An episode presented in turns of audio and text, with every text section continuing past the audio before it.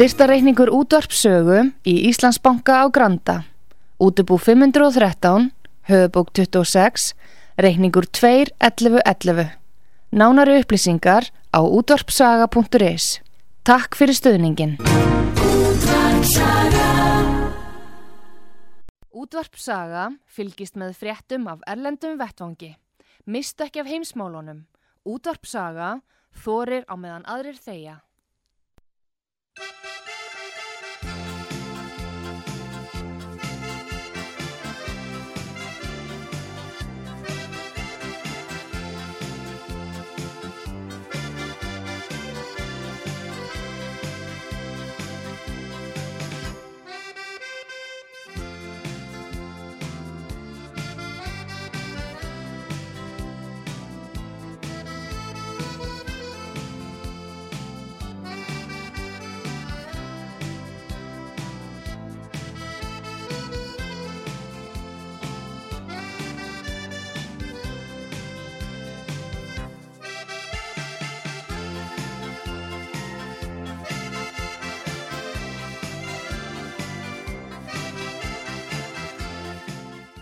Komið þið sæl eh, heimsmálinn hér á útarpi sögu. Artrúðu Kallstóttir heilsa ykkur. Ég er konið samband við Haug Haugsson, frettamann okkar í Moskvu og við ætlum að fá uh, svona nýjustu frettir af þeir sem er að gerast núna út í Úkrænu og uh, við allavegna vitum ekki betur en að rúsneski herin sé komin inn í kænugard og ég vil vekja aðtikli hlustend okkar á því að þið geti fylst með í beitni útsendingu frá því sem þar er að gerast inn á síðun okkar frettasíðinni útvarpsaga.is þar eru við með sem sagt beina útsendingu frá því sem er þar að gerast. En haugur góðan dag og velkomin aftur til leiksa útarpi sögum. Já, takk fyrir það alveg. Hvað segir þau haugur? Hvernig líður ykkur í Rúslandi? Hvernig líður ykkur nýri í Moskvu? Það er nú allt í lagi og hérna, það er bara að hafa sterkar dögar og vera hardur í þessu og ekkert annað að gera. Þannig að það er bara bara eins og það ger, segist en þarna orustanum Úkrænu er í fullum gangi og uh, þetta er náttúrulega hálf uh, brjálaðislegt plan Pútins en það virðist ganga þokkalega vel sem sagt uh, af þeirra mati má segja. Og eftir 36 klukkustunda Uh, uh, operatsia, operation eða hér aðgerð sem Já. er gríðarlega umfámsmikil það er 35 klukkustundur og 40 mínútur liðinar af henni Já. sem sett 36, það er einn og halvur sólarhengur og þá eru rúsneskir hermenn og úrvalsveitir og sérsveitir rúsa komnir að sjálfri höfuborg kænu, Úgrænu, kænu gardi, kýf þannig að orustan um Úgrænu er að ná hámarki þar að segja að baráttan um kænugarð og slagurinn miklu um höfuborgina uh, fer líklega að hefjast með uh, talsverðu mannfagli líklegast Já. en þeir hafa þetta er jágreinlega mjög vel þjálfaður hér og sterkur og, og það er hins vegar á hinbóin eru Ég er bara að tala beint út og, og mennur að saka mann um eitthvað sagt, og það eru sumir sem er afar ítla við að hinn hlýð mála komið fram og, og annað en, en við bara vitum meira og við vitum báðar og allar stöðunar. Ja. En í kænugarði er verið að dreifa 18.000 uh, automat Kalashnikov, þar að segja AK 47 til borgarbúa. Það er þegar þeir komað þarna á bílum og vörubílum. Já og eru aðfendir fólki á öllum aldri viðist vera og án þess að menn síni skilur ekki að skrifa undir eitthvað plagg. Þannig að aukveðs náttúrulega eru þessi skotfæri, þess að skökku þarna magasínin í, í þessu, þessu vopni sem er mest framleita vopn all, allra tíma, Kalasnikovin. Og uh, rúsneskir hermenn eru í kænungari frá nokkrum stöðum og það byrjar hérna bara að mínum að því miður er eitt, eitt, eitt sorglegast atbyrður veraldarsögunar það er gríðalegt blóðbað er þarna og slavar, rússar, úgrænumenn, uh, trúarbræður, orþódoksmenn og allt þetta. Það er búið að koma á stað borg, eða, þetta, er hámarkið af henni, hins vegar byrjaði eins og ótrúlegt með marga sérfræðinga og allt þetta og við ætlum ekki að segja mikið svo kallega En þetta stríð byrjaði bara ekkert í gær. Það var, eh, málið er það þetta, Arþur, að þetta stríð byrjaði ekki fyrir þessum 36 klukkustundum. Nei. Það byrjaði fyrir fyrir 8 árum. Já, ég veit að. Þetta er já gríðarlega merkileg rannfyrir. Hérna, já, aðeins kannski haugu bara ánveg, kannski aðeins rifjum það upp að þá er það spurningin eins og núna það er bara barist á, á fullu inn í kænugarði í þessum tölu orðum, það er það sem við erum að tala um. Það sem er að gerast nákvæmlega núna, það er byrjað að fara á, í íbúðabíð þarna. Já, já. Það er náttúrulega, þeir hafa nátt að koma inn mönnum, Lukashenko reyndar með að það eru fréttir og kort, vestræn kort sína Kvítarúsland hafi verið um, notað í um, því að senda inn mennskap en Lukashenko allavega, Aleksandr Lukashenko, hann, hann neytar því staðfastlega að hans landsvæði eða hans her ekki síst sé blandaður í þetta að svo stöttu. Oh. En þeir eru komnir að kennungari sem er náttúrulega er hernaðilegt afreika mörgur eiti gegn, en þeir hafa náttúrulega, hafa, Putin hefur náttúrulega haft þarna þegar hann leggur í þetta brjálæðislega plan sitt að þá mm. hefur hann góða njóst frá sínum greinilega og veit um styrkleika, veikleika og annað en um, staðin er svo að það er uh, sem sagt sveitir og allavega sveitir þá hlýðhöllum rúsum eða rússar sjálfur og kannski er einhver sivil klættur þar að segja uh, sivil það þýðir ekki í hermannafötum í borgarlega klættur og uh, berjast kannski með þeim. Og þetta sé komið í miðborginna og það er bankastræti vegna þess að Bankovaja Ulitsa og svo Institutskaja Ulitsa stopnunarstræti og bankastræti eru þær götur í Kíf sem að Mætan gerðist byltingin í Mætan gerist á þessum borgum og eitt ber saman afn og gata í miðborg okkar, Reykjavíkur og höfuborgar Ísland. Þar eru sem sagt ráðneiti, fórsettarskristöfur, hótel sem að skotið var frá, þá reyndar á valdi uppreysnamanna þá sem að enginn hefur áhuga á, sem að snæpiratnir frægu á mætan, mm -hmm. það var á, á valdi uppreysnamanna og, og efstu hæðirnar voru notar á því, en þarna eru sem sagt fórsettarskristofa og, og stjórnunar svona kvartal og þar verður væntalega plan rúsa strategist að ná uh, fórsöta höllinni. Það er spurning að ná Selenski en einhverja rattir er um þess efnis að Selenski sé flúin úr landi til Þýskalands Já. eða í bunkerum eða jafnvel í sendiráði bandaríkina. Já, en er hann ekki búin að óskætti því að fá að tala við Putin núna? Hann hefur gert það núna, uh, hann hefur gert það síðan í svona kannski hátegi sem eru einhverjir þrjár klukkustundir síðan, Já. síðan rétt í þessum og náttúrulega að detta inn svo frétt að, sem er bara þetta hérna hjá mér, það er það að uh, við, það er það að, að hérna uh, Putin uh, já, málega er það að Putin svaraði ekkert Selenski í hálfan vinnudag sem sagt, í þessa fjóra klukkustundir eitthvað svo leiðis, en núna er þetta hérna hjá mér á tölfunni frétt þess efnis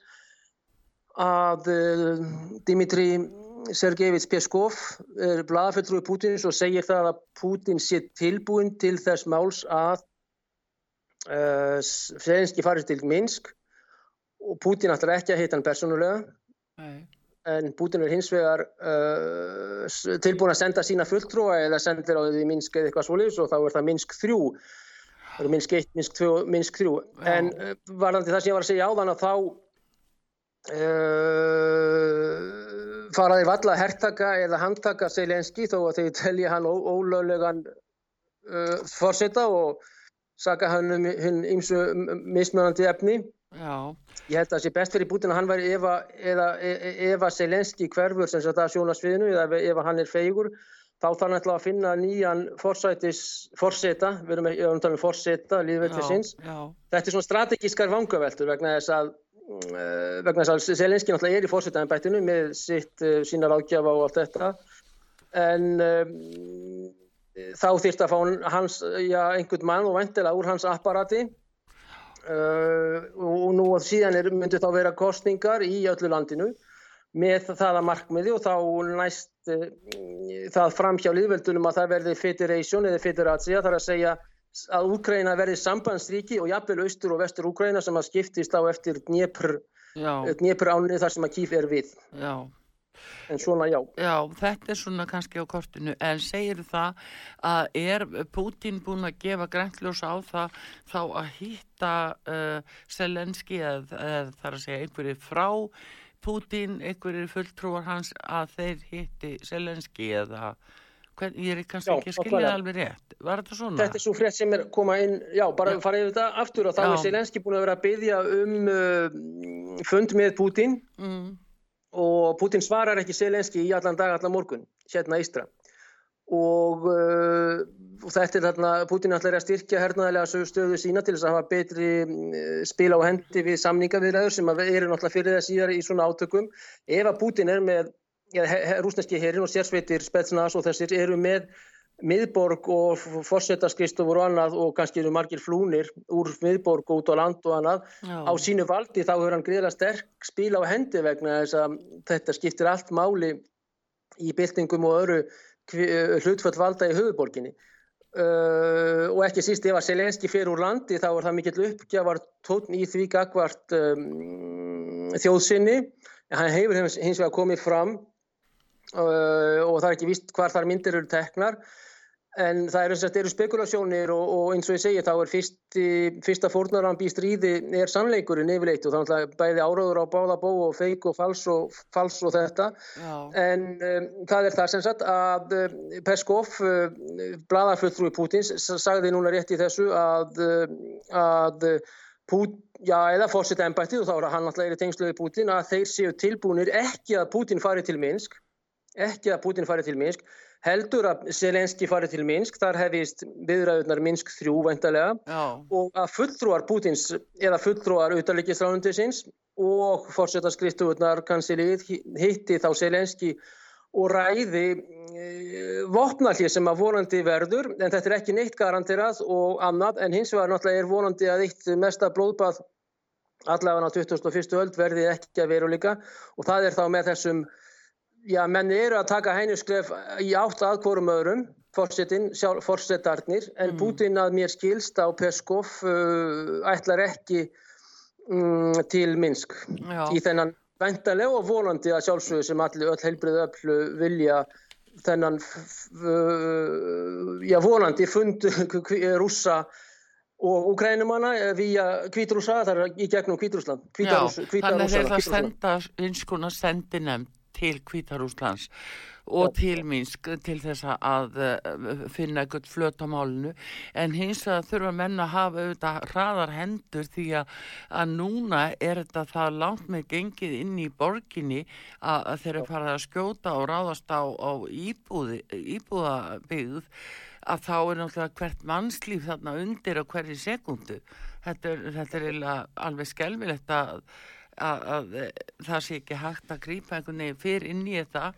Og hefur orðið varfið það haugur að það hefur komið einhverja svona friðar umleitanir frá eh, eins og NATO eða Evrópusambandinu? Hefur eitthvað slíkt borist?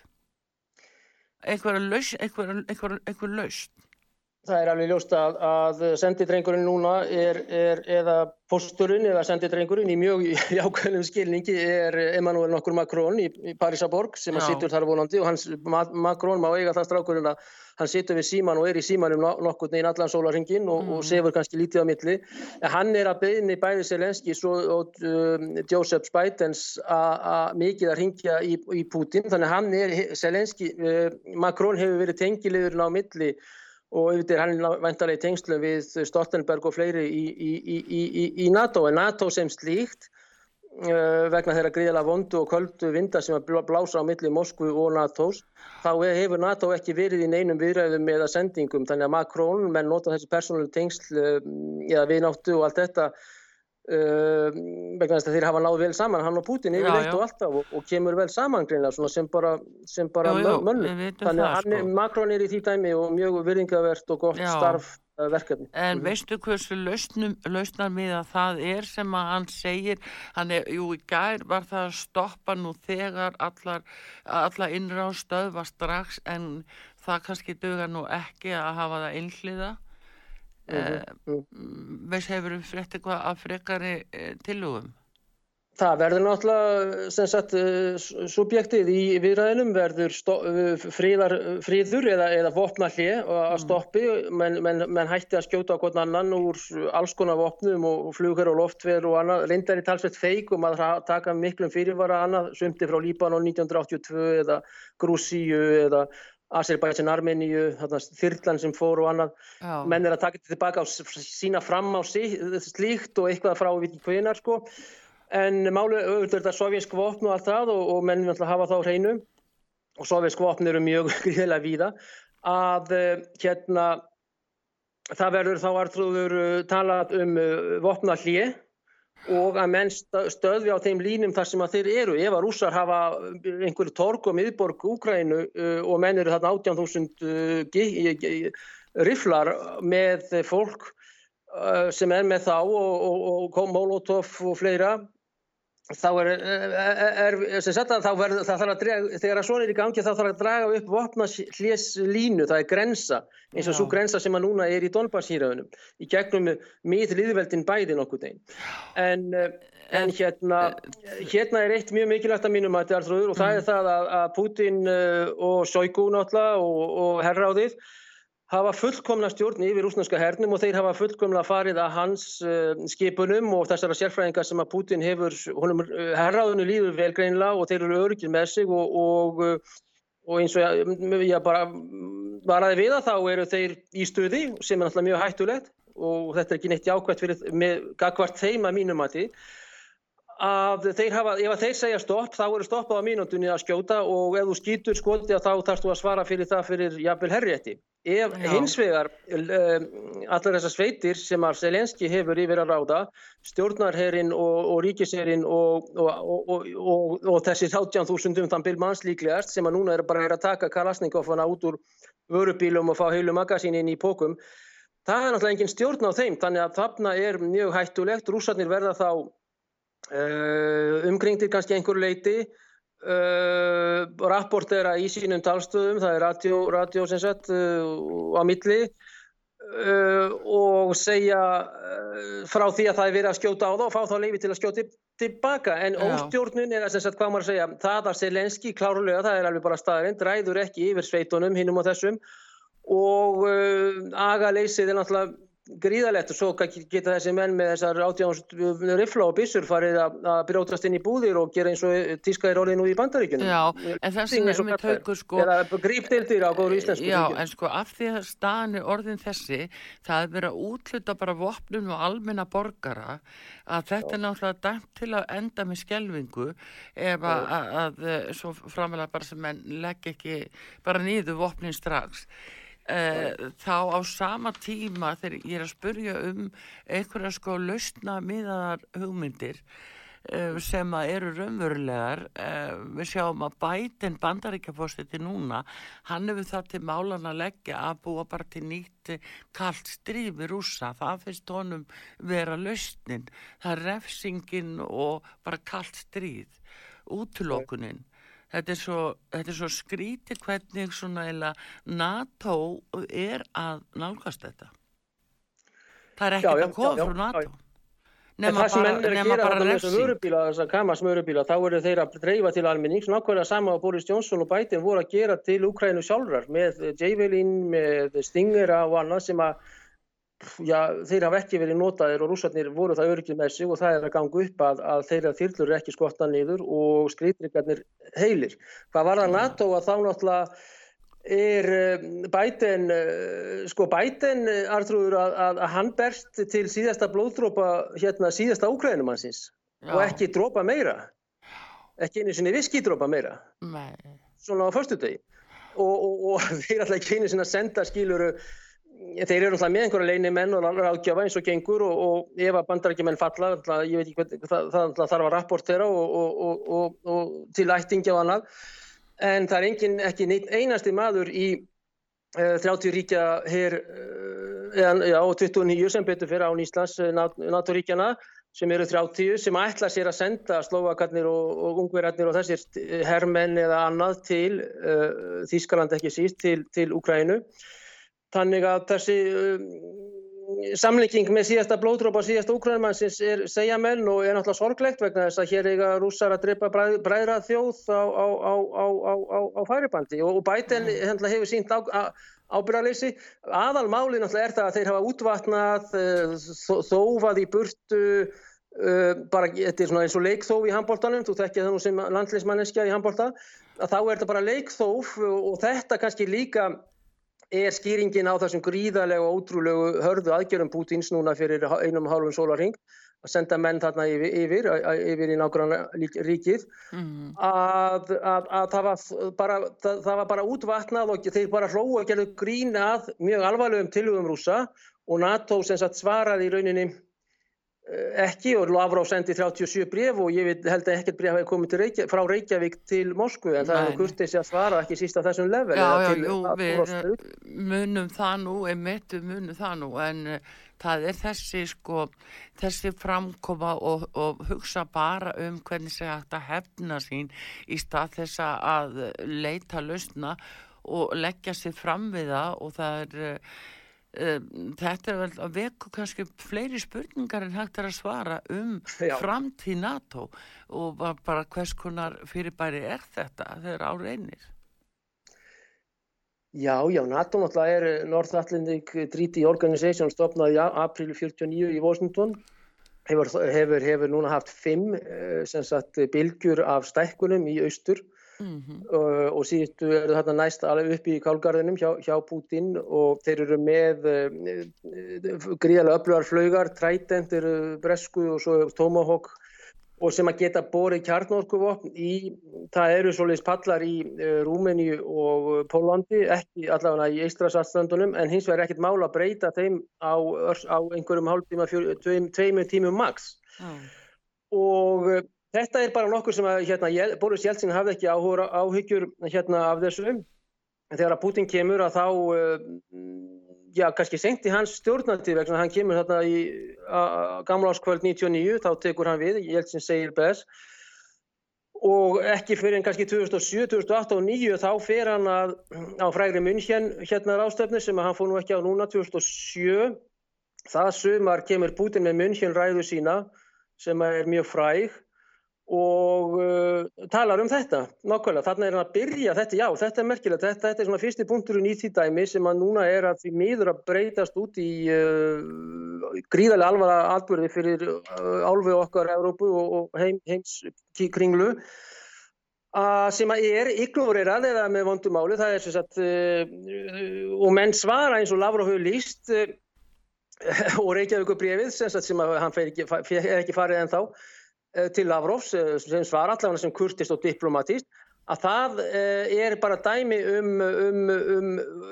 hér á bara á, á, á Washington eða Brussel að svara fyrir okkur vegna þess að Reykjavík skrifar ekkert bref til Lavrovs en skrifið bara hi og thank you allavega en, en allavega svona er nú kurtisinn að e, þarna er hann fyrst að, að, að hérna þetta er áhugavert að, að 2007 í München e, og það er að brjótast þess að út núna og þetta eru bara hugsanlega hjá mér hér og nú mjög spontant og, og uh, þetta vegna þess að í þessi öll þessi ár frá 2007 þá hefur NATO og þeir í Washington sem hafa verið demokratatir að mestu leiti uh, já ekki uh, búsararnir að einhver leiti og alltaf mm. og Clinton alltaf mikið svarað eða sínt þessu gríðarlega mikilvæga máli í heimslutanum hvað var bara fríð og öryggi og, og annað eh, áhuga sem er náttúrulega mjög uh, sem sagt það er mjög skal ég segja þeir uh, ábyrðar hlutur ákveðin leiti og, og rúsandi segja eins og lára þeir voru bara að grína okkur allan tíma og, og ég held að Putin takki undir það og þess, þess vegna held ég að Putin hafi verið svona bara geðvikislega sko þetta stuð á honum í þessi ræðu hérna um nóttina náttúrulega sko það bara er uppsapnað skilur við. Já, en það er uh, samt uh, haugur, okay. þetta sko það, það er margt, veistu það er svo margt í þessu og marga spurningar sem að, að er umverulega komið upp í hugan Eh, vegna þess að nú stöndum við frammi fyrir því að við sjáum við höfum að fordæma rússa fyrir þetta, þeir eru fordæmtir allstaðar, skiluru fyrir að brjóta lög, alþjóðalög og fara þarna inn og síðan er það sko það er algjör skortur á sem sagt einhverjum lausnum og einhverju aðstóð við að leysa máli og stoppa þetta heldur meira bara hemdaraðgerir og þetta virðist eiga svo langan aðdraðanda bæði sko halvu Pútins það er eins og hann hafi verið búin að kortleggja þetta bara eins og í hverri annari skák sem hann nú þægtu fyrir að hann hefur verið búin að kortleggja þetta lengi og uh, þeir eru búin að ná til dæmis yfiráðum yfir Tjarnóbíl og fleira þannig að uh, svo kemur aftur á móti hínum einn uh, uh, við sjáum bara alla til dæmis sótvarnar aðgerið þá er allt opnað af því að það mátt ekki vera neitt COVID og, og það mátt ekki vera neina hindranir eða sótvarnar aðgerið á sama tíma það er allir að fara, fara undirbúa sig fyrir stríðið Já, Svo er aðdragandi. og, og, og, fátt er nú verra kannski fyrir hilbriði manna og, og lí- lífheilsu heldur en styrjöld og, og það í, í, í Evrópu en, en, en hérna algjörlega og sjáðu, ekki en að deyja hann í hrönnum og manna þetta er náttúrulega alveg skelfileg Já. En fyrst að minnist á Tjernobyl að þá hefur rúsneski te herin tekið yfir Tjernobyl uh, kjarnorkuverið sem við Pripyat ána sem er hægt í norðurpartunum og, og, þetta og það er náttúrulega eru greiði fregnir vegna þess að uh, þá verður ekki kjarnorkuslís sem að menn óttuðist út af diversant eða terrorista uh, sem sagt er diversant sem er skemmtaverkamæður, sabotör sveitum sem að menn óttuðist mjög að, að, að myndu sprengja upp verið sem er konserverað að einhver leiti, það er einhvern veginn fristið að svo leiðis með gríðalegu sand og steipu og, og, og binding gríðalega hann í þessu, en það er vist mikið eitur og annað þarna sem að hægt væri þá myndi þessu skí fara yfir til, í norður til, til hérna Kvítarúslands sem að þjáðist hvað mest að Tjernobyl og eitthvað til Finnlands og annað, en það fyrir mikið eftir vind áttu, á, á, áttinni, á þeirri nákvæmlega á þeirri stundu sem að slíkt myndi gerast, en hins vegar hafa sabotörar verið að, að skemma sagt, ga, gas, uh, ólíu og aðra leyslur og, og klórbyrðir en það er mikil efnaversmiðja og efnagerð þarna og þetta, hefur, og þetta er á, að sögna á vegum úkrænskra einhverja sveita. Og síðan eru menna hóta því að eða líka kjarnorku verið í Varónis Novo Varónis já, ok, heitir það fullunafni uh, hérna Rúslandsmegin þannig að Þannig að þetta er náttúrulega nokkuð sem menn þarf að koma með öllum ráðum í vegferðir að vera að fá einhver skí hérna og, og geislavirkan viðbjóð yfir jafnvel yfir Skandinavíu ef að vindurinn er að suð hérna austan og ég er að tala náttúrulega með eina okkar ágætu og þetta en, en þetta er nokkuð, allan að Tjernobyl er skulum segja undir, undir kontról og, allt þetta og það er einhverja sveitir þar sem sagt fallifa sveitir og aðri sem hafa komist þarna yfir á þyrlum og og, og já, algjörða yfirblári lofti og það er svona tókst um þetta og svo eru aðrar reyndar stöðvar. En já, í þessu sambandi líka þá hafa úkrænumenn lokað vatnsbyrðum yfir á Krím, Já. Gerðu það strax upp úr uh, Valdaráni og 2015 eitthvað svo leiðis eða 16 og, og þess vegna er ekki vatn fyrir, eða voru þá fyrir miljónir íbúa. Og þetta voru, var svarið sem sagt og það var bara fyrst, og, fyrst og fremst óbreyttir borgarar en þegar að þeir síðan stjórnstu rúsar að gera gríðalega leiðslu þarna og, og þeir gengu, já, já má segja í það mál og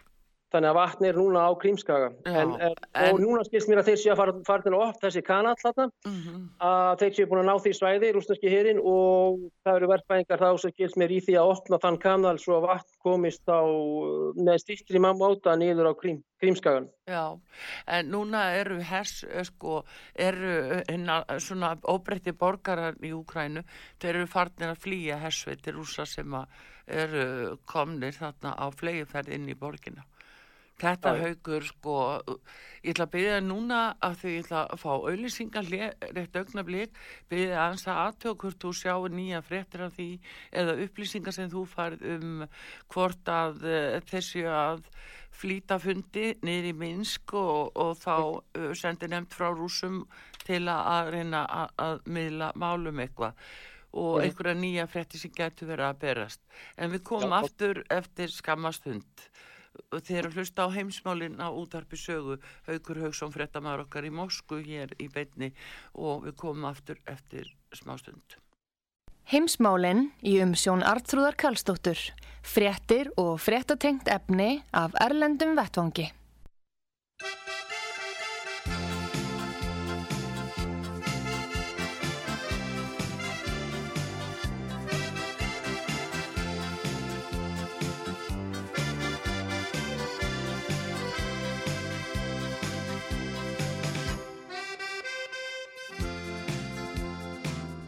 Komið þið sæl aftur þegar að hlusta út á sögu heimsmálinn hér. Við erum í sambandi við uh, Moskvu, Haug Haugsson okkamann í Rúslandi. Uh, Haugur, eitthvað nýtt sem uh, bendir til þess að, að það sé raunhæft að þeir hittist á sáttafundi fulltrúa Pútins og Selenski nýri Minsk? Uh, Zelenski hefur ekki svarað þessu síðasta bóði sem er mjög færst frá honum uh, Peskov eða frétta manni Pútins, frétta rítara eða frétta fulltrúa og uh, þannig að það er, það er í ljóst hins var er, er árangur rúsneska hersins ef að slúm að segja og einan gæsla bötti við. Sá að þeir eru búin að umkringja kýf kænugarð frá vestrinu. Þeir hafa tekið Gástómel flugvöld sem er um 70 km í vest vest-norvestur en hins vegar sprengtu er Boríspól sem er í, í austri, aðeins í söðu-austri svona 40-20 kannski. Þannig að þar hafa tvær flugsveitir falliva hermana sem eru sérsveitir, spetsnars uh, þær hafa náð að uh, náð saman þar að segja, tengja sig saman og umkringt uh, eru þá að umkringja og þrengja af kýf úr vestri Já. Þeir segjast að það var drifið 200 nationalista eða nazista eða frá Natspat eða National Bataljón sem eru bata, National Bataljón, Natspat er þetta stýtt, sem eru bataljón eða sveitir þjóðurnisina. Og 200 stykki og uh, Gostomel uh, flugvöldurinn er líklegast herrflugvöldur sem að látum var í fríði, hann er vestan, fyrir vestan uh, borgina En þeir sagt, eh, höfðu lista yfir þau skotmörk sem þeir þurftu að eh, neutralisera svo kallað sem að voru 72, 73 kannski skotmörk og nú hafa þeir eitt eh, sem þetta var fyrsta bylgja árásona var þarna fjögur að nóttu að stað fimmann átt að staða tíma þarna fyrir 36 klukkustundum rétt rúmum. Mm -hmm og síðan eftir klukkustund, eftir svona 20-24 tíma aftur þá, sem sagt núna fyrir, já, að þá uh, fyrir hálfur sólarhing, það er snemma í morgun aftur, að þá taka þeir aðra bylgu árása til þess að neutralisera önnur skotmörk sem að þeir stúdera, eru virk og óvirk og þarf að þeirra mati innan gæðislappa, þetta er bara, ég byrja að menna að taka þetta hlutust og sem fræðilega, strategíska fræði. Já. Uh, þá eru þeir að uh, og uh, radarstöðvar, sjómarstöðvar, ekki sjómarstöðvar heldur kannski loftnett og þess að það og þeir sem lægir bara með lista yfir þetta þá er að bylgja 1, 2, 3, 4 og en, til þess að, já. Já, en Haugur, erum við þá kannski að sjá fram á eh, eitthvað vopnarlið, ég er bara að hugsa um fólkið sem er að reyna að flýja frá borginni og frá Úkrænu núna, eh, þessari lest sem gengur yfir til Pólans og einhverju kannski hefðu vilja reyna að komast með flugi. Hver er von þess að fólks bara að lifa þetta af? Þeir setja korridor, það er kallað humanitarian korridor, það er að segja mannlegu korridor eða gangur, uh, þar sem þeir leifa flóttamönnum má segja á almennum bílum og sivil fólki að fara í gegn. Já. Og, og þá uh, þeir hafa ekki einu svona áhuga á blöggum eða skilríkum eða neitt slikt og, og það er þessir, uh, þetta er nokkur sem er viðhaft í hernaði yfirleitt og, og þeir, þetta er eitt af þessum prinsipum sem að Já, þeir segjast og ég held að það sé alveg klart mál vegna þeir hafa engan hagan inn og öðru og fólk er þá að fara yfir til hérna, Pólans, Pólans og yfir að Európa-sambandi og Sengenríkin og það er búist við miklum flóttamanna uh, flóttamanna ströymi. Hins vegar er önnum frétt frá Varnamarlarlandinu að það er á uh, Shevchenko sem er þjóðarskáld Taras Shevchenko, mikið skáld úgrænumæður á uh, Shevchenko torgi í Kíf Já. sem ef ég maður rétt, ég hef mikið verið hérna í Kífa þá er það í miðborginni að þar hefur uh, já, ekki stjórnarheldum heldur nasjonalistum uh, þá hafa þeir grat það þýðir grat er, er, er haglíel í beitni þýðingu en gratflögarnar eru stórar katjúsuflögar og katjúsuflögarnar voru Stalinorgel í Stalingrad sem að Wehrmacht og SS og, og Rúmennar og Ítalir og ungverjar óttuðist mjög og Ítalir sem er Stalin orgeli og þetta vitan alltaf þeir sem þekkja hersuguna og fræði og, og söguna kannski almennt að þetta eru gríðarstórar Katjúsuflugur eða stærri heldur um Katjúsan að nationalistum komist að hefur tekist uh, þetta eru fréttir frá rúslandska varnamálarlandinni frá Igor Konosenkov sem er þeirra fulltrúi að koma fyrir á Shevchenko torgi í miðri kýf þessum flögum sem að eiga þá að líklega skjóta á Gostomel eða á komandi sveitir rússa á, sem eru á BMP, sagt, það er sér uh, lítill skriðdryggi, brindryggi, svo eru brindryggar á gummidekkjum og svo T80, T92 og þessi stóru skriðdryggar. En þetta segir Ígor að sé til þess að rússar bombardir í miðborg Kív, þar segja að þeir nasjonalistarnir séu að, að skýra sig bak við óbreytta borgara Já. sem hann segir, hann var mjög harðaröður, sem hann, hann segir að CIA kenni þessa taktík til já, ISIS manna, hann er hreinlega að segja að ISIS og Al-Qaida með einhverja menn sem að segja sér til og hann nefndir CRU sem er CIA á rúsnesku, þessi stýr bókstafi og, og að, að nasjónalistatir noti þessa ISIS taktík sem að nota var í Sýrland og annar staðar að vera í hverfunum til þess að það fyrir við að degi sem flestir óbreytir í ákveðnum loftarásum sem að, að komandi afl Eh, aðsækjandi hernaðurinn eh, þarf að eigin mati að taka út eða neutralisera eða já og þá sé við að setja þetta inn í bíbúðakverfin. Þetta er gríðarlega eh, ókveikjandi, ég ætla ekki að fara að gráta hér í bytni. Nei, þetta er, er mjög, mjög ókveikjandi. Og... Staðreint og þeir eru með myndir af þessu, sagt, þeir hafa sagt, menn á jörðunniðri og sivil fólk sem er bara annarkvæmt sympatisera rúsum eða agentar. Mm þannig að um, og auðvitað þurfa er upplýsingaöflun og þetta. Þeir eru að byrta þessar myndir af þessum gradflögum sem eru þessar katjúsurs á einu hvað aðal torkinu í kæningarði og e, vonandi artrúður að hérna að Selenski vilji hitta uh, sagt, uh, starfsmenn Pútins í Minsk og fljúa þangað í kvöld. Hvar sem hann er stattur, það skiptir ekki nokkru máli og að hans með sína hæ, ein, eh, hæstu sendinemt, hans sjálfur, fórsetakansilegir, auðaríkisálandið eh, hans sem skipti máli, þetta er auðaríkis tengsl og viðskipti, auðaríkis tengt já. Og ekki sitt hernaða málaráðundið farið með þarna sendinemt á presidenthótel í, í, í þessum fimmstjórnu hótel í Minsk. Og setjist á nýður, ekki með Bútina sinni kannski að Putin bjóð, bjóði Emmanuel Macroni með sér, það væri bara ágættist skref og, og fyrir hans kostningar líka. Já, það... en ekki, og kannski um helgina, ok. En, en það er aðlega sko þeir, þeir eiga möguleika á að leysa þetta eh, þarna á svæðinu sko þar að segja Selenski, Putin þeir eiga möguleika á að leysa þetta sjálfur á svæðinu því að það er allavega lítil von til þess að það komi einhver alvöru íhlutun frá uh, uh, alþjóðarsamfélaginu, það verður nú bara að segjast eins og þetta lítur út núna að, að, að það er allavega ekki lausna með þeirra, þeirra viðbröð heldur meira fordæming og, og síðan eh, áformum refsiaðgerðir. Það virðist vera svari svona svo frá bandaríkjunum og, og þá NATO og svona nokkuð og Európa-sambandinu. En uh, hérna, en uh, það er aðlega bara hvernig er hugsanlega hægt að koma saklusum borgurum í burtu og koma þeim í skjól. Með þessu áframhaldi eh, þá verðist það ekkit endilega vera neitt eh, svo auðljóst hvernig, hvernig sér þetta þegar frá að líða á daginn og kvöldi haugur eh, hvernig sér þetta fyrir þér? Ég sé það fyrir mig þannig að, að, að haugarnir hér í Moskvu sem eru þessir her, herfóringar sem eru að stekka og auka völdsinn og hafa meiri áhrif á Putin, hafa greinlega miklum tengslum við þá fyrir þess að frægu ræðu sína. Já. Þeir segja hreinlega útartrúður bara við göngum í þetta mál, við tökum það til fulls. Það er Já. bara puttin í borðið og, og, og skipun sem, sem er það undirskrifið og hann þá svarar þá fyrir hana, þessi herfóringi. Og hún er svo að taka kýf hún er að taka kýf, hún er að senda þessar fallega sveitir þá á þessum brinnvörðu litlu bílum og dregum og skreitregum í austur átt frá uh, Bostopel og uh, þeir hafa líka umkring frá öðrum stöðum borginni.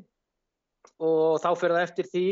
hversu mikla mótstyrnu þeir fá og hins vegar hversu mikið þeir telja sig innan gæðslepa þurfa að eigða óvinna skotmörkum sem eru þá þau skotmörk sem eru að skjóta á þá sem sagt en, eh, en þeir hafa eh, það hafa margi gefist upp sagt, og marga myndir af því með hvita fána og, og fjöldi óbreytra en ekki næsólunistana að þeir hvetja menn til þess að gefast upp, skrifa undir plaka, þeir eh, leggja niður vopn og mun ekki berjast meira, fara síðan heim til fjölskyldna sinna sem að þykir nú já, gott í stríð að vera sloppin eftir einhverja klukkutíma, verið ekki einhverjum búðum og annað og að leggja niður vopn þannig að þeir nái þá já, kænugarði í þessum bardaga og orðustunni um Ukrænu og en þá er náttúrulega gríðalegt áhugjöfni þær sveitir uh, og óbreyttir og, og, og óbóttabullur og aðri sem er núna er að fá þessa þúsund uh, vélbissur og, og magasínin með. Það er uh, nokkuð sem að rúsarni vita og þeir ná að dæla í sína menn nóg ammonisjón þar að segja skotfærum og öðru já. og þeir verðast ekki skort á því og já Nei, þetta er eiginlega eins og leikur kattarins að músunni, sko. Það, það sjá það allir að, að þetta endar ekki nema á einn veg og aðal spurningin er hvernig rægt að koma í veg fyrir mannfall og, og meiri eðileggingu. Það, það er náttúrulega stóra spurning dagsins en uh, haugur, uh, það er kannski ekki að við getum ekki svara því. En uh, hins vegar þá er eitt Putin, hann er búin að tala við Xi Jinping í dag. Hvað, eh, hvað er vona á eh, einhverju frekara samstarfi við kynverja eh, áttar á því hvað þar er að gerast því að þó að rússarnir næði yfirhöndin í Úgrænu hvað svo? Ég hugsa að það sé mikið diplomatísk spurning þá hvað vann í sem er þeirra utdökisráþurra muni þá mikið eða ekki mikið eða hóflega eða ekki í örgistráðinu vegna þess að þetta verður vissulega rætt þar ef ekki um helgina þá á, í næstu viku. Uh, hvað, hvað þeir muni stiga saman í takt uh, rússar og kynverjar í þessu máli? En, en uh, þeir eru í góðum tengslum Putin og, og síformaður þannig að uh, þetta er nokkur sem náttúrulega ætti að vera áhyggjuefni og hvort að hann er að bakka hann upp í eitthvað en hann styrkir, uh, hann styrkir rússana og hefur líst því yfir að hann styrði þá í þessari aðgerð, nýjustu aðgerð þessari, þessari mjög svo grófu aðgerð Pútins. Þannig að uh, þeir eru að tala þá einhvað saman varðandi, var, væntalega varðandi teknil, þessi teknilegu mál í komandi viðræðum og svo náttúrulega aukna samfinnu og, og vestlun og gasið og ólíu og annað. Já, já. En það er náttúrulega málið þegar Artur að það verða vonandi sem fyrst fríðar viðræður og vopna hlið hver sem verður, uh, þá er það spurninga síverði, síformaður verði uh, ekki hann eða Makrón í, í því heitju sæti að koma þessum mönnum að, að eða í þeim góðu sem settist tilgangi að koma mönnum að samningaborðinu í Minsk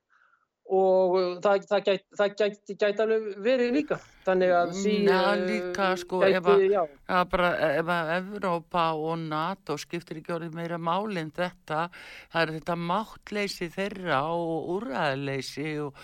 og Já. menn hafa bara verið sofandi á verðinum greinlega ef svo mætti orða það mhm. fyrir þessum alvarlegu þessari alvarlegu stöðu en þessi stað bara daltinn vopnum inn til Úkrænu vitandi já, já. það að, að þannig náttúrulega ofsalega mannekla og þeir eru miklu færri og þeir fyrirfram döðadæmt samt dælaði bara já, vopnum sem að mér er sagt að rúsa sér mér að segja komni með uh, aðra hönd á. Já, já, þeir náttúrulega hafa vita fullkomlega uh, sko, það er náttúrulega vopna geimslur í landinu sem eru frá sovjettímunum og þeir hafa alveg hvert einasta kort og hvert einasta kjallara kortlagt með þessar vopnageimslur og depóin og, og, og, og þetta og þetta eru þjóður sem tala sama tungumáli og þetta. Þannig að uh, þeir vita alveg fullkomlega um uh, sínar sovjísku ratsjálfstöðvar og allt þetta og það hefur lítið uh, úrgi hérna enduníning og orðið hérna á því. Þannig að þeir eru með það alltaf hreinu en auðvitað hafa menn verið að dæla og dæla í vopnum og yfir í oft vafasama aðila þannig að það, það er vopnaegn í þessu landi er gríðaleg og það er velbísa á mann og handsprengja og basúka og, og kannski stingar og djevelin sem er stingarinn flug er hitaratandi flugskeiti og djevelinir er nýjasta skriðtrykka gildra. Þannig að það, það er alveg stór hættulegt og að mínum að þetta talfest ábyrgulega sérstaklega hjá Boris Johnson og, og, og Bideni að vera að dæla þessu, þessu inn en síðan alltaf erum við bara að tala um refsiðagerir, refsiðagerir, refsiðagerir og þeir hafa verið með þau mjög stranga refsiðagerir og Íslandinga líka með fiskin núna í átta ár, sérstaklega frá þessu. En Sovjetríkin voru líka í refsiðagerðum og, og þeir máttu ekki kaupa alfa-laval sænskar hérna dælur í, í mjölkurbúin í Krasnúta svo eru menn að tala um að stoppa Swift. Það, það, það er náttúrulega bara grín sko vegna þess að Swift er uh, Society for to Worldwide Interbank uh, Financial Telecommunications. Og hvernig ætla þeir þá að fá greitt fyrir allt gasið og alla ólíuna. Þannig að menn get ekki skotið sig í fótinn, þetta er svo barnalegt ofta þannig í Brussel og hjá þessu Európu þingi og, og mentunin og þekkingin hjá þessu fólki er svo ótrúlega lítil. En hins vegar eru menn bara sá sem galar hæstum refsækjarir og, og, og annað að, að hann er hetja dagsins uh, þegar menn ætti að vera að reyna að koma á fríði og samlingum og samtali á milli þessara manna til að allt, allt þetta fólk og börn og, og gamalmenni sem að þeirra í Donbass hafa átt við að etja í átta ár. En akkur tala ekki íslenski fjölmilar við það úkrænumenn og íslendinga sem að búa á Íslandi sem við fengum með viðtaleinisni sem að, sem að hérna uh, er verið að drepa þessi átta ár 14.000 manns á báða búa þá er alltaf að tala af einhver aðra sem er með, með hérna, hínast frásögna en þetta er bara ekki er, hérna Þetta bara er ekki hlutlaus umfjöldun vegna þess að stríð er alltaf stríð og báða bóa. En þessi svartkvita mynd, við góðu, NATO góðu og svartkvita rússar og þeir vondu, það er náttúrulega bara til skammar þessum fjölmjölum. Já, það er líka sko, það er bara eins og sé ekki fríðarvilji og Algjörlega. það er það sem eru stóru vonbreiðin gagvart alþjóðarsamfélaginu, þessu svo kalla alþjóðarsamfélagi, það er bara ekki fríðarvilji og það, það er vandamáli eða þá við erum bara með lélega leiðtói í stórum stíl sem að hafa bara verið allt og allt og kærlusir yfir alvarleikan og ég var nú að reyfjað upp í morgun þegar mitt Donald Trump var nú að taka þú í gegn hjá NATO og, og minna það á þá og þurftu nú kannski að borga afnót fyrir þetta öryggi sem þeir vilja hafa svona á silfu fati, vilja öryggi á einhver að vera verja en þeir ætla ekki að borga fyrir það og, og ekki að hugsa um það. Og nú er bara sjáum við að, að þetta er að koma þeim í hausin því þetta hefði ekkert gerst ef að Donald Trump hefði stjórnaði bandarækjanu núna. Já, já, líklega ekki. Minna, hann var í, uh, hann hitti Putin oft og, og talaði við hann og ringdust á og annað og voru, voru samtali vegna þess að ef menn hefðu viljað vera, vegna þess að bæti náttúrulega er það sem að panta þessa músík. Þa, það er bara klart mál og eins og ég sagði með blóðdrópana og, og, og þetta þá er að það að til síðasta blóðdrópa, síðasta ágrunnumannsins og síðasta rúsans þá mun bætan berjast með tungunni með einhverju ritoríku, einhverju tali sem er búið að vera tali búið að vera áratögun saman. En, en, en fríðarviljin er ekki meiri og því miður er bara vopna lobbyið er það stert í þessu ríki Uh, þetta er það sjúkt system sem, sem er þarna og þessi demokrater og globalistar og aðrir standa fyrir og eru að reyna að uh, auka alltaf við að, að það er það sem er pantatónlistuna í þessu, þessum dansi döðans en ef að menn hefur talað saman fyrr og áður og meira og veitt aðtrykli þeim sem hefur búið að vera að drepa þarna í átta ár sem að Íslendingar hafa gríðala lítinn áhuga á auk þess er mjög sorglegt að sjá hvað Íslendingar fagna dauða eh, rúsneskra hermana sem að fjallu í, það er Antonov AN-27 flugveg sem að fjalli í Vorónis innan Rúslands, það, eru vélar eins og Fokkerinn, 45-50 manna vélar. Og íslenski blokkarar og bara þekkt fólkjapil fagnaði dauða 18 til 20 ára stráka sem að hafa ekki einu fengið að lifa lífinu ennþá þetta var bara svo ótrúlega að sjá þetta á íslensku miðlum. Uh, gott, þú veist, ég meina og brós og hlátur í þessu Facebook blessaða uh, tjáningakerfi. En svona er nú kannski fasismin í uh, bara dagfarsprúði fólki að láta svona frá sér. Og ég bara ég fekk alltaf einu, ég greit nú ekki en uh, það láfið að tár kemur auðvitað að sjá, uh, minna það dói 45 eða 50 ungir strákar, rúsneskir 18 til 20-25 ára sem ekki hafa fengið að lifa lífunum. Ég er búin að lifa mínu lífi 55 ár. Ef ég dreft úr COVID eða verð drefin með spröytu, þá er ég fullkomlega sáttur eða ef að NATO kemur hinga. En ég mun berjast, sko. Já. En þeir, þeir hafa ekki fengið að lifa lífinu þessi stráka. En fólk, eh, Íslandingar, þeir hérna, og ég ætla ekki að nefna hann upp, en, en þetta var verið ógeðfælt að sjá hvernig menn dönsuðu og, og á, á blóðdrópunum og pollunum þarna sem sagt Uh, menn sem eru bara kvartir í herin og eru í ákveðnum búningum til þess að, til þess að fá einhverja skipanir og, og því miður að drepa aðra menn í öðruvísi búningum og öðru sem erki en, en svona enn uh, bara langt og ítla komið fyrir þessari þessu skeri og þessir ágætu þjóð okkur. Já, það er nú aðalega haugu sko það, að sko blekkingin er svo að, að alþjóðarsamfélaginu og öllu talum alþjóðarsamfélagi er eh, beitt svo mikið og fólk heldur það að sé í örygginu sem að það jafnvel telur sér ekki þurfa að leggja neitt að mörgum og hvað þá fórna sér, hvað þá nenn að vinna. Þannig að það, þetta er bara bein afliðin þess. Þannig að þessan er þessi ískaldi veruleiki að núna að það er uh, alþjóðarsamfélagi sem að hefur ekki getu til að leysa þetta og, og takkmarkaðan vilja sennilega og hérna og það, það eina tröstið er núna að þeir geti leist þetta Putin og Selenski síni nýri Minsk. Að sjálfsög, það er eina máli að þeir hitti saman, hann já, og Putin og, og ef hann hitti fyrst þessa hérna, diplomata og, og hans starfsmenns eh, Putins og einhverja vafarlöst frá rúsneska hernum, þeir tala nákvæmlega sama tungumálu, Selenski talar betri rúsnesku heldur en ukrainsku, hann lærði ukrainsku núna bara fyrir stuttu, hann er frá Kirovagrad og, og, og tali saman. Og, og menn líti ekki eins og einhverjum íslendingar á, á rúsa bara mjög glæsilega og flotta þjóðu og menningun og annað sem ungtar mennsinn sem að því miður frá íslenskum kontorum frá íslenskum kontorum og öðrum er virðist vera viðkvæðið en, en ég ætla ekki að fara að hýtta mig mjög mikið, nei, nei, mikið með það. Nauðvitað menn, Artur, menn eiga að tala saman Já. og núna er rússar að styrkja stöðu sinni með uh, því að taka meira og meira svæði auðvitað langs mikilvægast er miðborgin Kív og Kív, einhverju sveitaþorparna lengst út í skói og Karpatafjöllum eða hérna austur eða vestur eða Karkov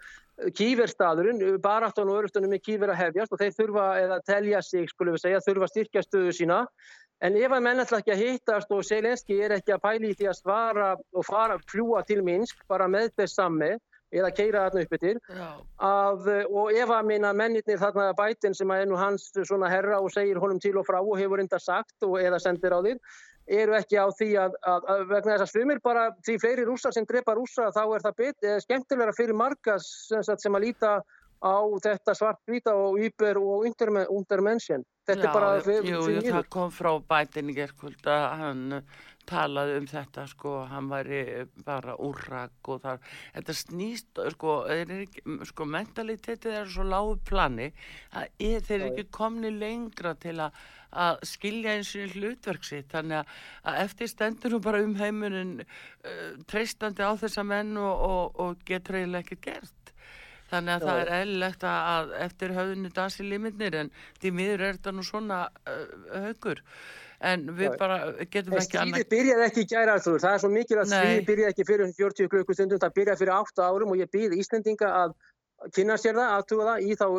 sérna, öðrum miðlum. RT.com er búið að, búið að stoppa sem sagt í rýtskoðunarherferð hvaðan sem hún kemur en RT.com er á netinu og það er búið að stoppa það. En já,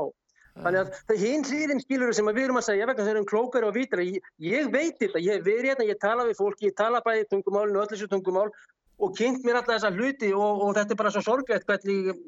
ég, hvað menn er að gera að, að, og þetta er út af þessu sinnuleysi og, og bara það sögð upp úr hjá Putin, það bara sögð upp úr hjá hennum, já. já, og, og þessi aðgerð alltaf og ótrúlega, já, já. Já, já, en þetta er... Þetta er svona samt uh, náttúrulega mjög, mjög alvarlegt í alla staði og hérna haugur við auðvitað bara vonum að uh, þetta fá einhvern góðan endi úr því sem komið er og það sé hægt að stoppa þetta en uh, við fylgjumst með þér og, og, og ástandunni þarna á svæðinu. Ég vil bara þakka þið fyrir þessa innkomu og hafa það sem allra besta haugur Haugsson, frettamæður okkar í Moskvu. Takk aftur minn, takk fyrir það, bestu bauður yfir. Já, og ég vil benda hlustendum aftur á það að uh, þeir geta hlustað eða séð uh, ástandið í uh, höfuborginni í Kíf, í Kænugarði í Ukrænu, í beinni útsendingu á síðan okkar. Það er útvarsaga.is og þar getið fylst með hérna streyminu sem þar er inn mjög alvarlegt ástand og við vonum auðvitað að þessu linni sem allra fyrst en Artrúð Kallstóttir þakkar ykkur fyrir og taknum að Jóhann Kristjánsson veriði sæl.